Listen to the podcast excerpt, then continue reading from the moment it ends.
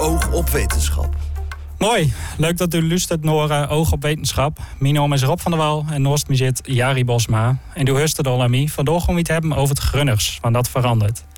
Jari, du wist uh, boorden in Drenthe. Kiest u een beetje dialect? Nou, mijn jong, uh, ik doe wel alsof, maar me meestal is het wel een beetje... Het komt er wel een beetje aan op nou, inslikken en andere dialecten er doorheen gooien. Ja, precies. Dus nooit echt Echt, echt 100% nee. Uh, zal het nooit worden. Dat geldt ook voor mij. Voor de rest van de uitzending schakel ik toch maar weer over op het Nederlands. En dat is iets wat vaker gebeurt. Want het gebruik van streektalen zoals het Gronings neemt af. Uh, maar toch spreken naar schatting nog tenminste 200.000 Nederlanders regelmatig Gronings. Al zijn er geen echte officiële cijfers. Naast de afname van het aantal Gronings sprekenden verandert het Gronings zelf ook van klank. Maar de vraag is waarheen het Gronings dan verandert. Is dat altijd naar het uh, Nederlands toe? of ergens anders heen? En hoe onderzoek je klankverandering eigenlijk? Dat zijn vragen voor. De gast van de week. In de studio is eh, Hedwig Sekeres, PhD-student in de taalwetenschap aan de uh, Rijksuniversiteit Groningen. Ze doet onderzoek naar klankverandering in het Gronings en liet daarvoor Groningers verschillende woorden inspreken. In haar vervolgonderzoek gaat ze zelfs nog bij theatergenootschappen langs om daar het gebruik van het Gronings vast te leggen. Hedwig, kun je zelf eigenlijk een, eh, een beetje Gronings? Ja, wel. Niet, ja, niet als moedertaal, dat kun je misschien ook meteen al horen. maar ik heb het op latere leeftijd nog wel geleerd. Oké, en wat vind je zelf het mooiste Groningse woord? Uh, ik denk dat dat voor mij suzoin is. Uh, dat betekent eigenlijk ja, een beetje heen en weer wiegen, zoals gras in de wind bijvoorbeeld. Oké, okay. zit dat woord al, want jij doet dus onderzoek naar uh, klankverandering, laat verschillende Groningse woorden inspreken. Zit ook precies dat woord in je onderzoek? Nee, nee, dat dan weer niet. Zoveel, zoveel invloed had je dan ook weer niet op de lijst? Of is het geen handig woord om erin te hebben? Of... Uh, nou, de lijst met woorden die ik onderzoek, dat is voor een deel is dat gebaseerd op uh, dat ik gewoon in een paar specifieke klanken geïnteresseerd ben. Dus dan probeer ik eigenlijk woorden te vinden die die klanken hebben. Um, en daarnaast willen we ook uh, nog kunnen vergelijken met oudere gegevens. Dus je bent wel een beetje afhankelijk van de woorden die ook eerder zijn gebruikt voor onderzoek. Ah, oké. Okay. En Suzoin zat er dus niet tussen. Nee. Um, over je onderzoek zometeen meer. We bespreken ook het laatste wetenschapsnieuws. En we hebben het over de wetenschap achter de blauwe kleur van de lucht... uit het liedje Mr. Blue Sky in The Sound of Science. En wil je na deze uitzending nog meer oog op wetenschap... dan kun je ons volgen op Instagram... en oude uitzendingen terugluisteren op Spotify. Oog op wetenschap. Hedwig, jij komt oorspronkelijk uit Drenthe... maar hoe ben je dan geïnteresseerd geraakt in het Gronings... Uh, ja, dat is eigenlijk best wel geleidelijk gebeurd. Uh, dus ik heb Engels als bachelor gedaan. Daarbinnen heb ik mij gespecialiseerd in de taalkunde en raakte ik eigenlijk steeds meer geïnteresseerd in de, uh, wat we dan de sociolinguïstiek noemen. Dus dat gaat echt over taalvariatie en verschillen tussen hoe mensen spreken. En via die sociolinguïstiek ben ik bij de dialectologie gekomen in mijn master. Um, nou ja, en als je dan in Groningen zit, dan is het Gronings toch eigenlijk wel een hele logische keuze, denk ik. Ja, precies. En niet het, en niet het Drents waarom, ik, ik zei al, het, aantal Gronings sprekenden dat gaat achteruit. Kan het dat we dat eigenlijk niet weten, hoe snel het aantal Gronings sprekenden achteruit gaat? Um, ja, dat is eigenlijk denk ik gewoon omdat het best wel een intensief soort onderzoek is om te doen. Um, als je wil weten hoeveel mensen er Gronings spreken, dan moet je eigenlijk ook ja, weten wie er niet Gronings spreken. En wie die dat bijvoorbeeld niet overdragen aan hun kinderen. Um, en dat is, ja, dat is gewoon een lastig soort onderzoek om te doen. Heel arbeidsintensief. Dus dat wordt niet heel vaak gedaan. En toevallig is er nu wel net zo'n onderzoek bezig. Dus niet van mij, maar van mijn collega Raoul Buurke. Ah, oké. Dus binnenkort weten we dat hopelijk wel. Ja, binnenkort, uh, binnenkort meer daarover. Ja, maar dat het achteruit gaat, dat, dat staat wel vast. Dus er zijn wel heel veel mensen die, uh, nou ja, waarvan dan de grootouders Gronings spreken, dat niet aan de, de oudergeneratie hebben overgedragen. En die oudergeneratie, ja, die heeft dan passieve kennis van het Gronings, maar niet actief. En de kindgeneratie, ja, die spreken het dan eigenlijk ook niet meer. -hmm. En hoe kan het dat Gronings minder gebruikt wordt in het dagelijks leven dan bijvoorbeeld een taal als het Fries? Wat ik heel vaak hoor als ik in de trein zit naar Friesland bijvoorbeeld. Ja, dat is, dat is ook een hele goede vraag. En iets waar we eigenlijk op dit moment nog niet heel erg een antwoord op hebben. Um, ja, uiteindelijk komt het allemaal neer op een taal wordt gebruikt op het moment dat je hem doorgeeft. En dat gebeurt gewoon veel meer voor het Fries dan voor het Gronings. Um, dus in Friesland zie je dat er, wel, dat er wel veel meer mensen zijn die echt in het dagelijks leven met de kinderen uh, nog Fries praten. Um, en daarnaast heeft het Fries ook wel gewoon veel meer middelen tot zijn beschikking dan het Gronings. Dus uh, Dat, nou ja, je Meer- kan onderwijs volgen in het Fries bijvoorbeeld. Oh, precies. Meer plekken waar de taal wordt overgedragen of wordt geleerd. Of, Ja, eh, precies. Meer subsidie voor, voor mooie projecten met de taal. Eh, ja, meer aandacht voor Fries in het onderwijs, dat soort dingen. Een echte Groninger zal waarschijnlijk zeggen dat de Fries gewoon te trots is of te eigenwijs of te koppig. Ja, dat hoor je best wel vaak. Ook als het gaat om, eh, om plaatsnaamborden bijvoorbeeld. Ja, precies. ja, ja, dan hoor je toch best wel vaak Groningers zeggen van nou... Ja, Waarom leuk, wat dat nou weer daar? leuk idee, maar zoals, zoals in Friesland zo gek hoeft het niet bij ons. Dat, eh, ja. Ja. ja, nou dat is wel interessant of het ook iets te maken kan hebben met trots eigenlijk. Of met eh, ja, hoe ver je wil dat zo'n taal bij voortbestaan. Ehm, wat, betekent het eigenlijk als zo'n taal helemaal zou verdwijnen? Ja, dat is, eh, dat is natuurlijk gewoon hartstikke zonde. Want zo'n taal ehm, is ook echt een manier om nou ja, uiting te geven aan jouw regionale identiteit. Eh, en er zijn best wel veel mensen die zich gewoon heel erg ja, Gronings voelen of Noorderling voelen. Eh, en het spreken van zo'n taal is een hele mooie manier om dat te kunnen uiten. Ehm, en daarnaast ja, zorgt het ook voor binding tussen, tussen generaties. Als mensen Gronings spreken met de grootouders. Het geeft mensen heel vaak een gevoel van, van thuis, als ze dat vroeger wel gehoord hebben. Ehm, en er zijn ook best wel veel mensen die het echt gewoon jammer vinden dat ze het niet eigenlijk op de natuurlijke manier geleerd hebben. Omdat ze het wel van om zich heen heel erg kennen en er heel warme gevoelens bij hebben. Maar toch merken dat het, ja, dat het dan zelf niet, eh, niet lukt, omdat ze het niet van hun ouders hebben meegekregen. Is er iets te doen om te voorkomen dat het Gronings nog verdwijnt? Ehm, ja, taalkursussen misschien, maar ja, hoe, hoe maak je die vindbaar? Of, Ja, op zich, er gebeurt al wel redelijk veel. Dus er zijn, eh, er zijn taalkursussen Gronings. Eh, er wordt best wel veel gepubliceerd in het Gronings. Ehm, muziek in het Gronings heeft ook wel... Nou ja, dat, dat heeft echt wel een moment eigenlijk nu. Ehm, we zijn zelf ook bezig met het maken van een online cursus Gronings... die ook nou ja, wat gericht is op jongere mensen. Maar ja, als je, als je kijkt naar wat, wat wil je van een taal... eh, wil jij dat het een taal is die, nou ja, die op straat gesproken wordt... die mensen gewoon in hun dagelijks leven constant gebruiken...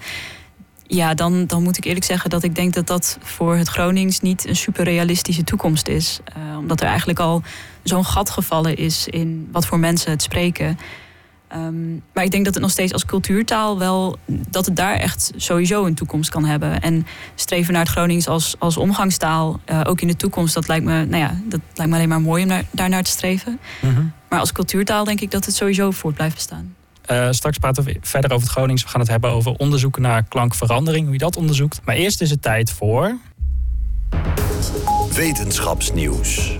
Opvallend wetenschapsnieuws. Redacteur Jari die is de afgelopen week op zoek gegaan naar bijzonder nieuws uit de Groningse wetenschap. Ehm, wat viel jou allemaal op? Ja, mooi Rob. Eh, ik wil eigenlijk eh, het uh, Heulenijsblok in, in het Grunners voorlezen, maar dat uh, doen we maar in night. Dat is wel leuk. Dus uh, gauw, gauw in het Nederlands. En ik ga meteen even vals spelen, want uh, we beginnen met een bericht van de dag uh, van vorige uitzending. De Rijksuniversiteit Groningen heeft er uh, sinds 27 september namelijk een nieuwe wetenschapsdruk bij. Met de jouw technologie van morgendruk gaat, er de, gaat rugpersoneel langs bij scholen om scholieren les te geven over artificial intelligence.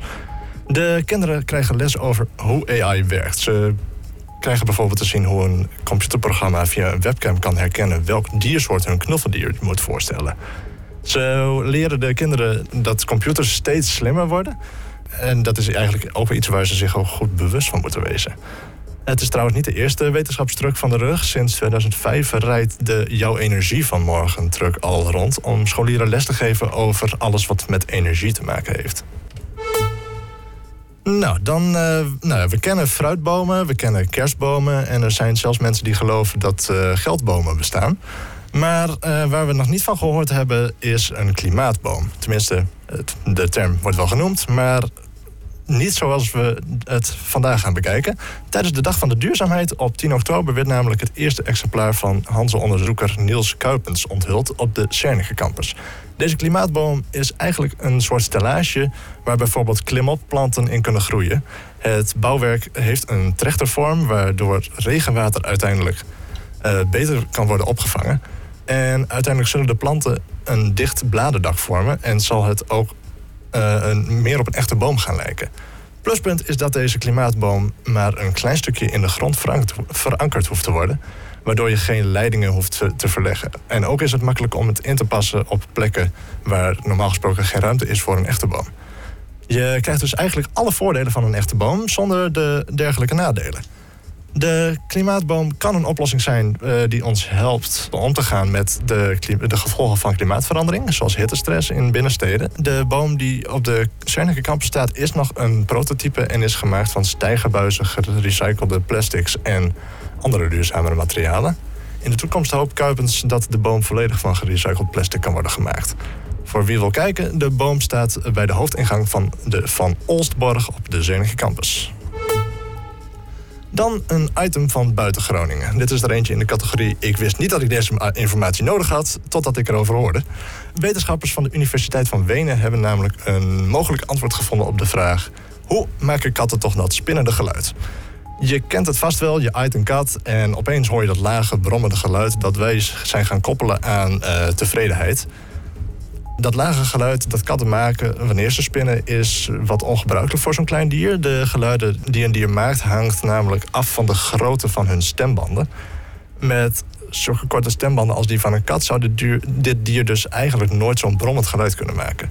Eerder werd nog gedacht dat eh, spiersamentrekkingen in het strottenhoofd verantwoordelijk waren voor het spinnende geluid. Maar het lijkt er nou op dat de bepaalde stukken bindweefsel in de stembanden ervoor zorgen dat katten dit geluid kunnen maken.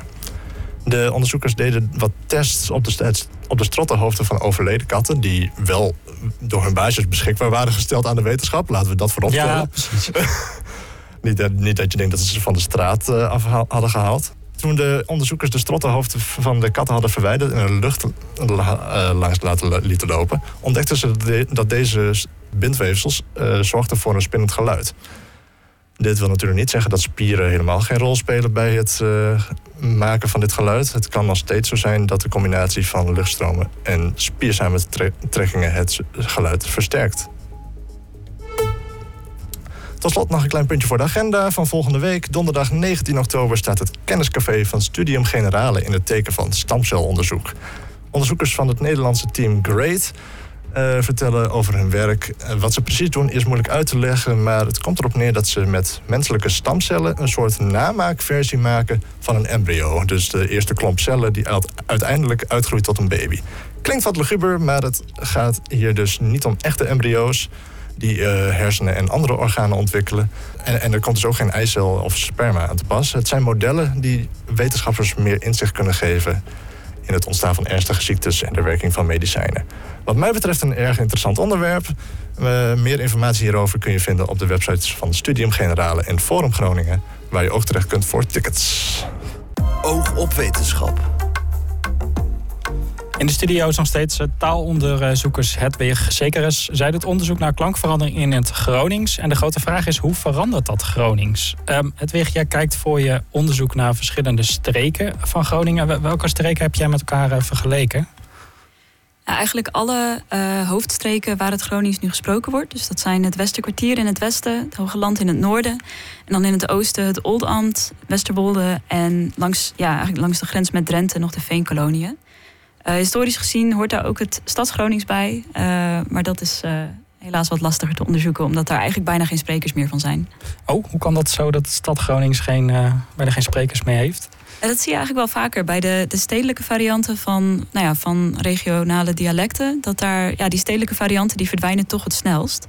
Um, en het heeft natuurlijk ook mee te maken dat in Groningen wonen ook heel veel mensen die hier bijvoorbeeld niet oorspronkelijk vandaan komen. Dus nou ja, ik ben er zelf ook voorbeeld van.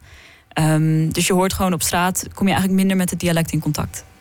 Oké, en dus verdwijnt zo'n eh, zo'n taal. Ja. Um, ja, veel onderzoek naar het Gronings komt uit de jaren 80, heb ik begrepen. En sindsdien is niet meer altijd onderzoek gedaan. Weet je ja, hoe, dat, uh, hoe dat zo kan? Dat er zo'n gat in zit? Ja, eigenlijk. Nou ja, de, het Gronings is in de tussentijd ook wel gewoon betrokken geweest bij, bij meer landelijke onderzoeken naar taalverandering en naar taal in het algemeen. Um, maar in de jaren tachtig, dat was, nou ja, dat was eigenlijk een beetje de hoogtijdagen voor het onderzoek naar het Gronings. Ook omdat we een hoogleraar Gronings hadden, Simon Reker. Um, ja, en daarna is eigenlijk het Gronings vooral betrokken geweest bij bijvoorbeeld hele grote taalsurveys die over het hele land gaan. Um, maar minder, minder op het Gronings zelf. Oké, en het, ik, ik begrijp ook dat dat het niet zoveel uitmaakt voor jouw onderzoek. Dat, dat er uh, een, een, gat is. In elk geval, nou ja, een hoogtepunt in de jaren tachtig. Daarna iets wat minder onderzoek, eigenlijk alleen landelijk. Dat maakt voor jou niet zoveel uit. Nee, op zich niet. Uh, ik ga zelf eigenlijk vooral kijken naar nou ja, de, de huidige staat van het Gronings. Um, en ik ben wel geïnteresseerd in verandering. En in het vergelijken van, nou ja, van hoe de taal vroeger klonk en hoe die nu klonk. Maar ik doe dat vooral door uh, sprekers van verschillende leeftijden te vergelijken. Uh, dus ik maak gewoon nu mijn opnames en ik vergelijk mensen die nu dan bijvoorbeeld 60 plus zijn met mensen die nu 20 zijn. En dan zo zie je eigenlijk de verschillen tussen uh, nou ja, hoe, hoe het Gronings eigenlijk in die 40 jaar is veranderd. Kun je dat zo zeggen?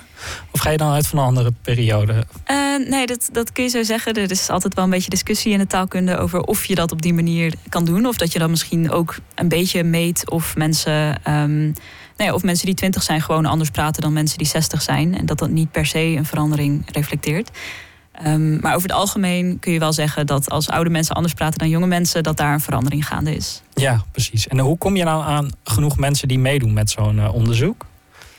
Uh, nou, ten eerste eigenlijk gewoon via het, het bestaande netwerk van streektaalorganisaties. Uh, dus je hebt het Centrum Groningen Taal en Cultuur. Die hebben best wel, nou ja, best wel een platform waarmee je redelijk wat mensen kan bereiken. Je hebt ook nog kleinere organisaties, zoals Stichting Mien Westerkwartier. Die zijn ook heel actief.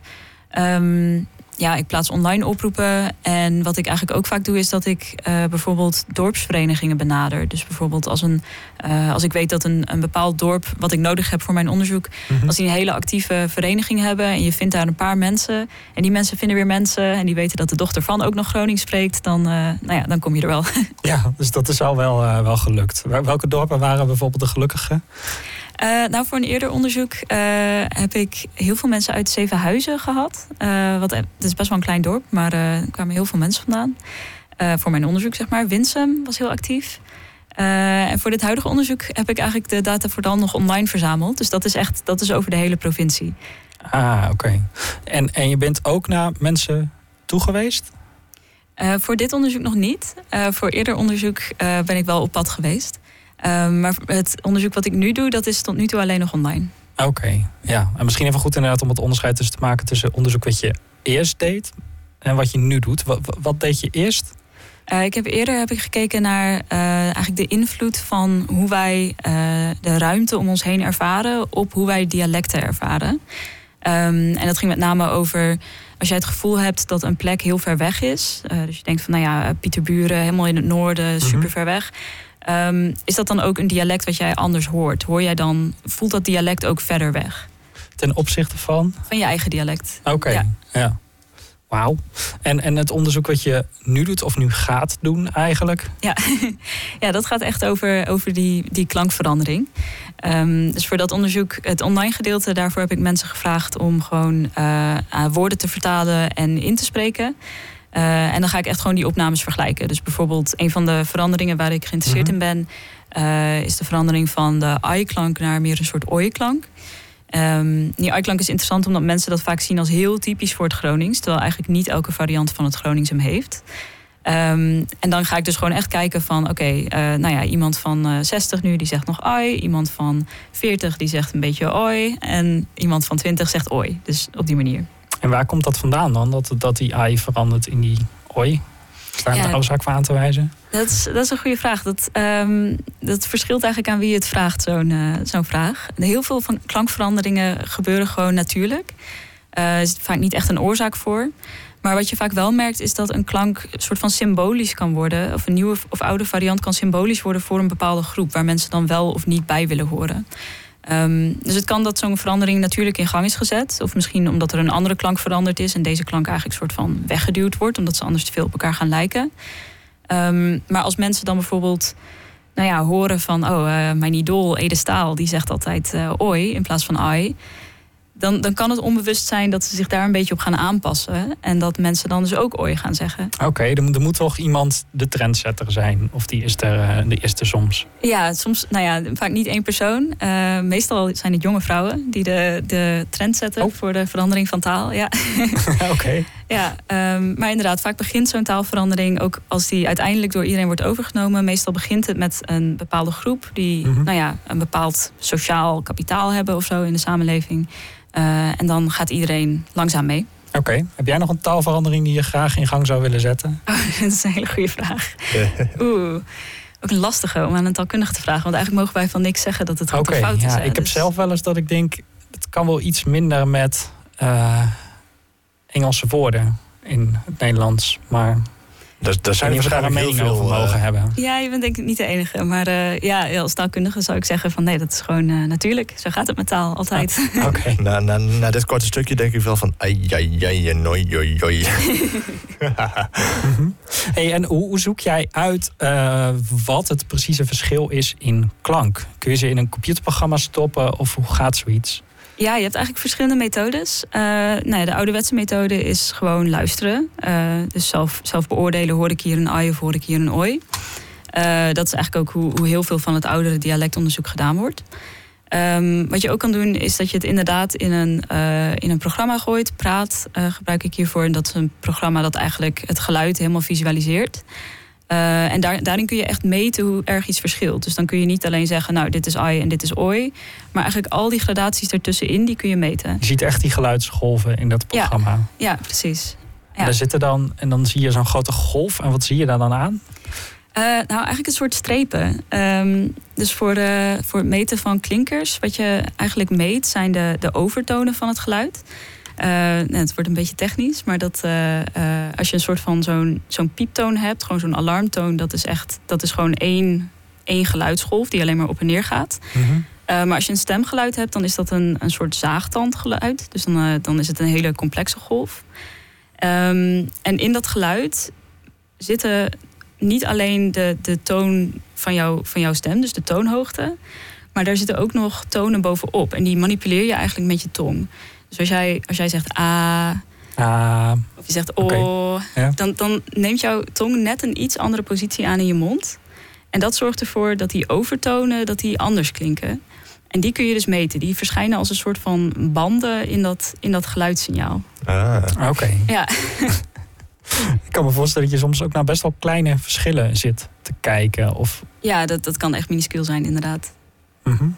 Oké, we hadden het gehad over die, die ai en die oi. Dat, dat de Gronings die kant op veranderd zijn. Er nog andere veranderingen die je zo ziet in je, in je onderzoek? Eh, ja, ik kijk ook naar, eh, naar bijvoorbeeld de vormingen van eh, meervouden. Dus ook iets wat, waar Gronings wel een beetje onbekend staat. En eh, wat, nou ja, wat ook wel vaak gepersifleerd wordt, is, eh, dus bijvoorbeeld de kortings in plaats van kortingen. Ah, precies. Ja. De S, ja, ja. Nou ja, precies. Ehm, dus die, die S-meervouden die zijn vrij typisch voor het Gronings. Eh, maar ook dat is eigenlijk een beetje aan het veranderen. En dat zie ik ook al in mijn data. Dat daar, eh, ehm, nou ja, dat, dat minder wordt. Eh, en dat mensen toch vaker die Nederlandse EN-meervouden pakken. Maar dan bij sommige woorden gaan ze toch voor die, voor die S-meervouden. Terwijl dat misschien eigenlijk helemaal niet heel logisch is. Oké. Ja. Maar kun je dan wel zeggen dat het Gronings in het algemeen naar het Nederlands toe verschuift? Of is dat ook weer niet waar? Ja, dat is, dat is een goede vraag. Daar is eerder ook wel onderzoek naar gedaan. Ehm, en wat je vaak ziet is dat het een beetje van beide is. Dus het is niet zo van nou, alles, eh, het Gronings verandert naar het Nederlands toe. En dat betekent dat alle woorden meer Nederlands worden. Of eh, dat alle woorden nou ja, juist meer Gronings worden. Ehm, het is vaak een beetje van beide. Dus die, die ai-klank naar een oi-klank, dat is eigenlijk een verandering die, die niet naar het Nederlands toe gaat. Die ai-klank die komt voornamelijk voor in woorden zoals, eh, nou ja, die een, i hebben in het Nederlands. Zoals lief is dan live. Eh, of, nou ja, loif misschien, wie Mhm. weet. Ach, mijn loyalty. ja, Ik kan wel. Gronings zijn. ja, Ik kan wel het komt Gronings. helemaal goed met jou. ja, ehm, maar zo'n verandering, dus die, die eh, ai-klank, die zit eigenlijk iets dichter bij een i. Dus ai en i lijkt wat meer op elkaar dan oi en i. Dus dat, dat is dan weer een verandering die, die soort van wegbeweegt van het Nederlands. Ja, precies. Ja. Als, als het naar het Gronings toe zou gaan, dan zou het meer naar die i toe gaan. Maar het gaat meer naar de oi. Ja, precies. Oké. Zolang ze maar niet aan de aaierbal komen. Precies.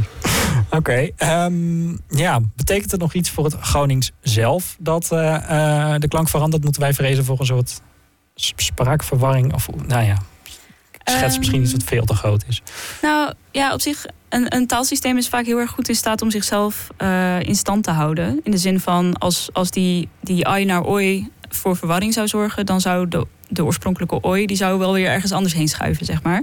Oké. Ehm, ik denk wat je, wat je wel merkt is, eh, doordat het Gronings, nou ja, over het algemeen, er, is gewoon een grote invloed van het Nederlands. Dat kun je niet ontkennen, ook op, Mhm. op de woordenschat en eh, in de grammatica. Ehm, en wat je daardoor wel merkt, is dat mensen soms behoorlijk beschermend worden richting de taal. Dus ze merken dat het, dat het, eh, nou ja, dat het verandert. En er komen minder sprekers. En als je dan net iets te vaak een Nederlands woord ertussen gooit, Dan, worden mensen extra bang. Ja, dan hebben mensen vaak wel iets van, nou ja, de, de taal verloedert en uh, dat, dat is een, een bedreiging, zeg maar. Dus, ah, ja. ja. En merk je al dat de OI ergens anders heen gaat? Gaan we, gaan we binnenkort iets anders zeggen dan mooi? Of, uh... Nee, nee, eigenlijk nog niet. Uh, nee, heb ik nog niet gezien in mijn data, maar wie weet. Wie weet. Ehm, vorige week was hier uh, ecoloog Jelle Loonstra. Hij uh, heeft een uh, vraag aan jou over de verandering in het Gronings. En hij stelt hem zelf. Als Groninger opgegroeid hier op het Hoge Land. En ik zag dat je dus onderzoek deed naar, het, naar hoe Gronings verandert. Was ik wel benieuwd hoe is het zo dat sommige streekdialecten sneller veranderen dan andere? En, en heb je daar ook een verklaring voor? Ja, veranderen sommige streekdialecten echt anders of op een hoger tempo dan andere? Ja, ja dat, is, uh, dat is zeker waar. Um, wat je vaak ziet is dat uh, dialecten die dichter in, in de buurt van het centrum liggen. En het centrum is in dit geval dan de Randstad.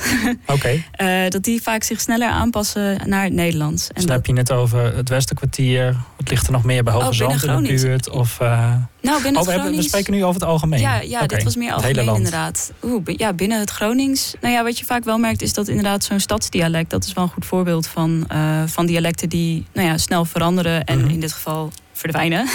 Maar echt omdat er meer mensen vanuit de rest van het land of vanuit de Randstad naar Groningen komen in die, in die streken? Of hoe gaat zoiets? Ja, meestal zeg maar, hoe geïsoleerder een gemeenschap is, uh, hoe meer die ook vasthouden aan hun eigen oorspronkelijke dialect. Ja, uh, en hoe meer contact er is met, nou ja, met uh, mensen uit andere gebieden, hoe sneller zo'n dialect vaak verdwijnt. In een stad als Groningen is dat natuurlijk extra erg, als, omdat je nou ook nog heel veel internationale studenten hebt en nou, mensen van door heel het land. Ja, ik denk dat op zich het, het Nederlands al wel genoeg, uh, genoeg invloed heeft om het Gronings helemaal te dat, dat sowieso. laten verdwijnen in de stad. Ja.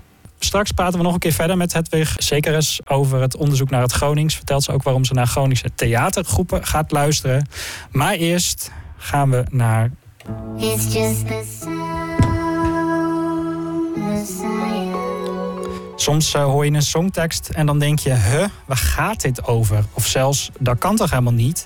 In The Sound of Science bespreken we elke week de wetenschap achter een liedje. En in deze uitzending bespreek ik een van de vrolijkste nummers ooit. Het is Mr. Blue Sky van ILO. Mr. Blue Sky, please tell us why you had to hide away for so long. Kan wel kort zijn over de betekenis van dat liedje. Want Jeff Lynne uh, schreef dit nummer tijdens zijn verblijf in Zwitserland. Waar hij na twee weken van bagger weer eindelijk de blauwe lucht zag doorbreken. En de langspeelplaat waar dit nummer om stond, die heet heel toepasselijk Out of the Blue. Een bijzonder detail van die plaat is dat het jarenlang onduidelijk was wat aan het einde van het nummer wordt gezegd. Het klinkt alsof de stem Mr. Blue Sky zegt, zou je verwachten. Maar volgens de band is het Please Turn Me Over. Dat klinkt misschien raar, maar het is een instructie voor de luisteraar. Want die moet aan het eind van zo'n langspeelplaat de plaat omdraaien om de rest van de nummers te kunnen afspelen. Um, de vraag die dan nog rest is: hoe zit dat met die blauwe lucht die in het nummer genoemd wordt? Waar komt die uh, kleur vandaan? Je hebt soms ook wel eens dat hij s'avonds rood wordt. Uh, terwijl zonlicht gewoon wit is. En zou die voor de grap niet zelfs een keertje geel kunnen worden? Oftewel, wat gebeurt er precies in die lucht uh, dat ervoor zorgt dat hij zijn eigen kleur heeft? Nou, één optie kan zijn, zou je zeggen, de, uh, de, lucht heeft gewoon dezelfde kleur als al dat water van de oceaan. Lijkt ook wat blauwachtig. Maar dat blijkt helemaal niet te kloppen. Als je erover nadenkt, ja, boven land, hoezo heeft de lucht dan een, een blauwe kleur? Um, maar die lucht die heeft van zichzelf een blauwe kleur. En dan moet ik even iets uitleggen over zonlicht, oftewel wit licht. Dat zien we als wit, maar dat bestaat uit alle kleuren van de regenboog. En als iets een kleur heeft, uh, bijvoorbeeld blauw, zoals de lucht, dan zuigt die lucht als het ware alle andere kleuren licht in zich op. Hij absorbeert ze als een soort spons. En de kleur die overblijft, dus het blauw, dat wordt teruggekaatst. En dus is de lucht blauw. Nou, dus die, lucht komt niet, uh, die kleur van de lucht komt niet door de oceaan. Um, maar zit het hem dan wel in? Lucht werkt iets anders dan dat water. Dat reflecteert geen licht, maar dat verspreidt het eigenlijk. Het bestaat uit allerlei gassen, zuurstof, stikstof, mini-deeltjes die willekeurig rondzweven. En als de lichtdeeltjes daarmee in aanraking komen, dan stuiteren ze alle kanten op. En de rest van dat licht dat gaat gewoon rechtdoor. Maar voornamelijk het blauwe licht dat wordt als het ware weggestuit, het verstrooit. En daarom zie je op een heldere dag overal die blauwe kleur in de lucht. En dat maakt lucht een soort lichtverstrooier, waardoor het zelfs op schaduwplekken waar de zon niet op schijnt, toch nog van dat rondstuiterende blauwe licht van de lucht kan komen. Ja, en nu weten we dus dat die stofjes zijn in de lucht. Uh, die moleculen in de, lucht die ervoor zorgen dat de lucht zijn kleur krijgt. En dan kunnen we ook verklaren waarom de lucht s'avonds soms fel rood wordt. Dat is nog een andere factor, namelijk de afstand die licht moet afleggen door de lucht. Als de zon ondergaat, gaat het uh, licht wat langer door de lucht heen. De zon staat laag en komt schuin op de aarde door een langere strook lucht. Ehm, en dan botst die onderweg op meer deeltjes die in die lucht zweven. En als je nu ook nog meerekent dat er s'avonds soms meer stof- en waterdeeltjes in de lucht zitten, die ook het licht verstrooien. Uh, ja, kun je voorstellen dat dat nog wat erger is. En de kleur licht die daar weer het meeste last van heeft van die bestoring is het rood. Op andere planeten is dat misschien anders, want daar zijn hele andere samenstellingen van de atmosfeer. En eigenlijk mogen we blij zijn dat de lucht hier meestal blauw is. Was een teken van een mooie aardslucht vol zuurstof en niet van andere moleculen op die andere planeten. Kortom, zie je s'avonds een rode lucht, geen paniek. Want volgens de wetenschap hoort dat zo. En zie je s'avonds een gele lucht, raak dan wel in paniek. Want dan ben je waarschijnlijk op de planeet Venus. Stap in de meest dichtstbijzijnde raket, zet de radio aan, vlieg terug en luister naar dit lekkere nummer. Oog op wetenschap. In de studio is taalwetenschapper Hedwig Zekerus. Ze doet onderzoek naar hoe het Groningse dialect verandert. Um, Hedwig, in jouw bachelorscriptie keek je ook al naar het Gronings.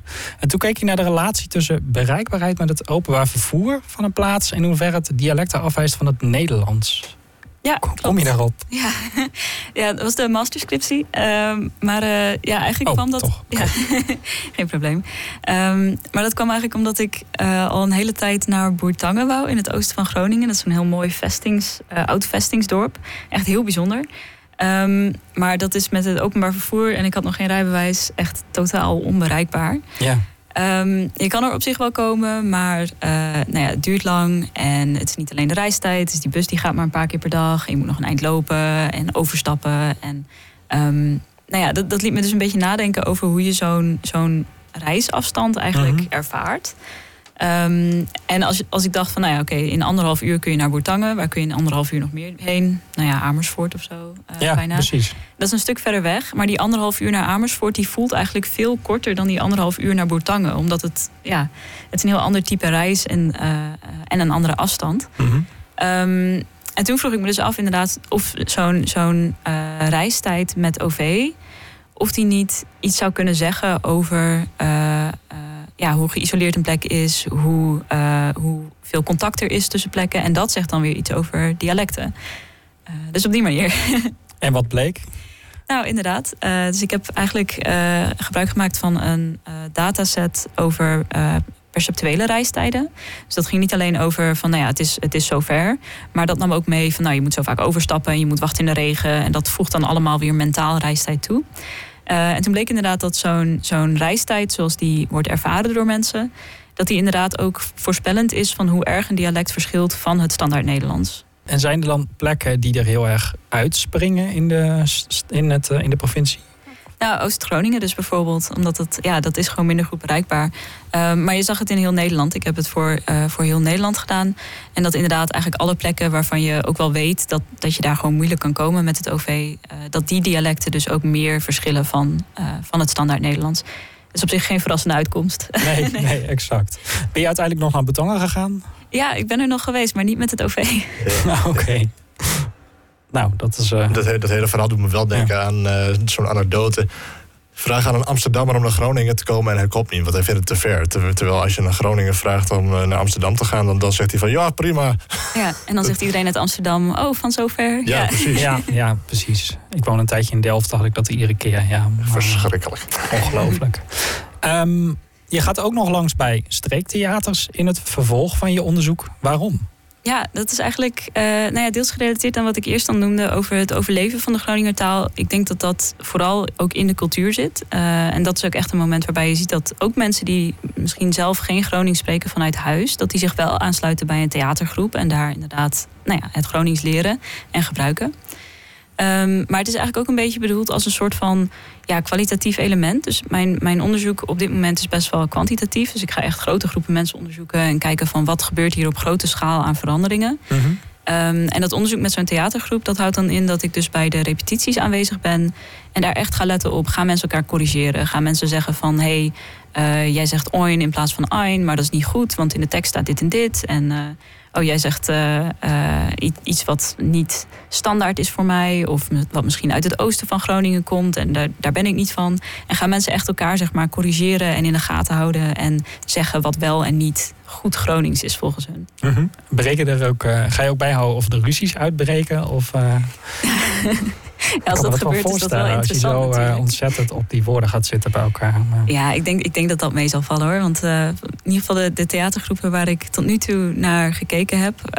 in de zin van, ik ben daar een keer geweest en ik denk dat, dat het wel geschikt is voor het onderzoek. De, de, sfeer is over het algemeen goed. Dus ik denk dat dat meevalt. Oké, en je noemt dus, je hebt kwantitatief onderzoek gedaan, grote hoeveelheden data, veel verschillende woorden. En nu dus kwalitatief. Moet dat in jouw PhD zo'n onderscheid, in jouw onderzoek zo'n onderscheid maken? Of vind je dat leuk? Of, uh... ja, ik vind dat leuk. Ik heb eigenlijk vier, vier verschillende soorten onderzoek die ik dus doe. Eentje echt op, op de klankverandering zelf, dus dat kwantitatieve. Eentje waarbij ik ga kijken naar de houdingen die mensen hebben tegenover verschillende soorten Gronings wat ze horen. Dus die studie met het theater en ook nog een studie over tekst, over geschreven Gronings. ik vind het gewoon leuk om verschillende methodologieën te gebruiken eigenlijk. Dus. Oké, ja, nou, prachtig. Um, ben je zelf eigenlijk een beetje theaterliefhebber? Of, uh... Ja, ik vind het leuk. Ik zou niet zeggen van, uh, ik, ik, heb er verstand van of zo. Maar uh, nee, ik vind het wel, ik vind het wel leuk. En ik ben ook eerder naar Groningstalig theater geweest. En dat vond ik toch wel, ja, leuke ervaring. Mooi. mocht, mocht je ooit nog eens een keertje in, in het Drents of naar het Drents onderzoek gaan doen, dan heb ik nog wel een leuk theater, leuk theater voor je in Zuidoost-Drenthe. Oké, ik ga het onthouden. Oké, heel goed. Ja, weet, weet je eigenlijk al welke theatervoorstellingen je gaat bezoeken? Zijn ze al op de hoogte? Of hoe, uh, nou, ik heb twee, twee groepen die, die zouden kunnen. Dus Waak, dat is een wat, wat grotere, nou ja, semi-professionele theatergroep met ook wisselende voorstellingen. en een wat kleinere lokale theatergroep in Zanderweer. Dus dat is gewoon van, nou ja, eigenlijk vanuit de dorpsverenigingen daar. Um, en volgens mij hebben ze allebei nog niet een, een, voorstelling gepland voor wanneer ik mijn onderzoek ga uitvoeren. Dus dat, oh, dat gaat meestal per. Uh, nee, er komt wel een voorstelling, maar, ja. maar we weten nog niet, uh, niet wat. Oké, oké. Nou, dat is ook wel een, eh, een leuke verrassing misschien. Um, we hadden het aan het begin ook al over die, uh, dat je ook bezig bent met een cursus, een online cursus Gronings te ontwerpen. Hoe gaat dat? Ja, dat gaat, uh, gaat goed. Dus uh, nee, ik noemde net al even Waak. Dat is misschien ook niet helemaal toeval. Want uh, we hebben een cursus met twee jonge sprekers van het Gronings. Die mhm. eigenlijk een soort roadtrip maken door de provincie. En dan spreken ze met elkaar Gronings en met allerlei mensen die ze tegenkomen. En dat zijn ook acteurs van Waak die dus die, okay. die rollen spelen. En die zie je dan in filmpjes of zo. En daar kun je dan Groningse ja. woorden uitleren. Ja, dus het is eigenlijk uh, Fieke Gosselaar die heeft uh, het script geschreven. En um, het wordt een soort romantische comedy eigenlijk. Waarbij zij op, op reis gaan door de provincie. En uh, um, nou ja, je leert niet alleen over de taal, maar ook over alle mooie erfgoedplekken die er zijn. En dan krijg je in het Gronings, krijgen zij en jij dan dus als student, krijg je daar ook van alles over te horen. En je volgt hun, hun ontluikende liefde. Oké, alles. Je wordt ook nog een beetje vermaakt ondertussen. Ja, precies. Wat leuk. Uh, wanneer staat dit gepland om klaar te zijn? Uh, in maart, dus de Meertmond Streektolmond. Dan, uh, dan gaan we hem lanceren. En dan kan elke Groninger of wannabe Groninger kan uh, meedoen. Ja, precies. En dat is eigenlijk ook wel het doel. Dat iedereen die... het mooiste zou zijn eigenlijk net als in Friesland... waar je dan gewoon een pakket aangeboden krijgt van... nou, je bent in de provincie gekomen wonen... Um, dit zijn de mogelijkheden om Fries te leren. Om dat eigenlijk ook voor het Gronings te doen. Dat zou heel mooi zijn. Ja. En waar kun je dat dan vinden? Als je nu al geïnteresseerd bent? Uh, nou, hij is, hij is nu nog niet online. Maar um, hij komt op FutureLearn te staan. Dus op het uh, platform wat de rug ook gebruikt voor dus Massive Open Online Courses. Uh, en daar wordt het er een van. Oké, okay, FutureLearn Gronings kom je er hopelijk bij uit. Ja. Wacht even, dus dat, heb ik, dat, had, ik, dat, ik, dat ja. had ik even gemist. Dus als je in Friesland gaat wonen, dan krijg je het pakket om de taal te leren. Ja, nog niet het pakket zelf, maar je krijgt wel zeg maar een brief waarin staat van, nou ja, hier kun je een cursus volgen. Oké, okay. oh. ik dacht al even dat ze echt, echt gingen opdringen om, te, nee. om het te gaan leren. Ja, het zou misschien wel moeten, maar... Ja. Uh, dus zit ze er wel voor aan? Nou, het zou, ik zou het eigenlijk wel leuk vinden, ja. Hier ook. Ja, doe maar. Ja.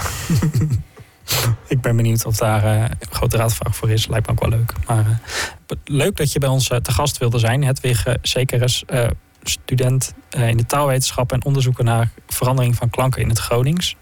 In de volgende uitzending, over twee weken, is neurowetenschapper Marieke van Vught te gast. En zij doet onderzoek naar hoe wij als mensen denken en dagdromen.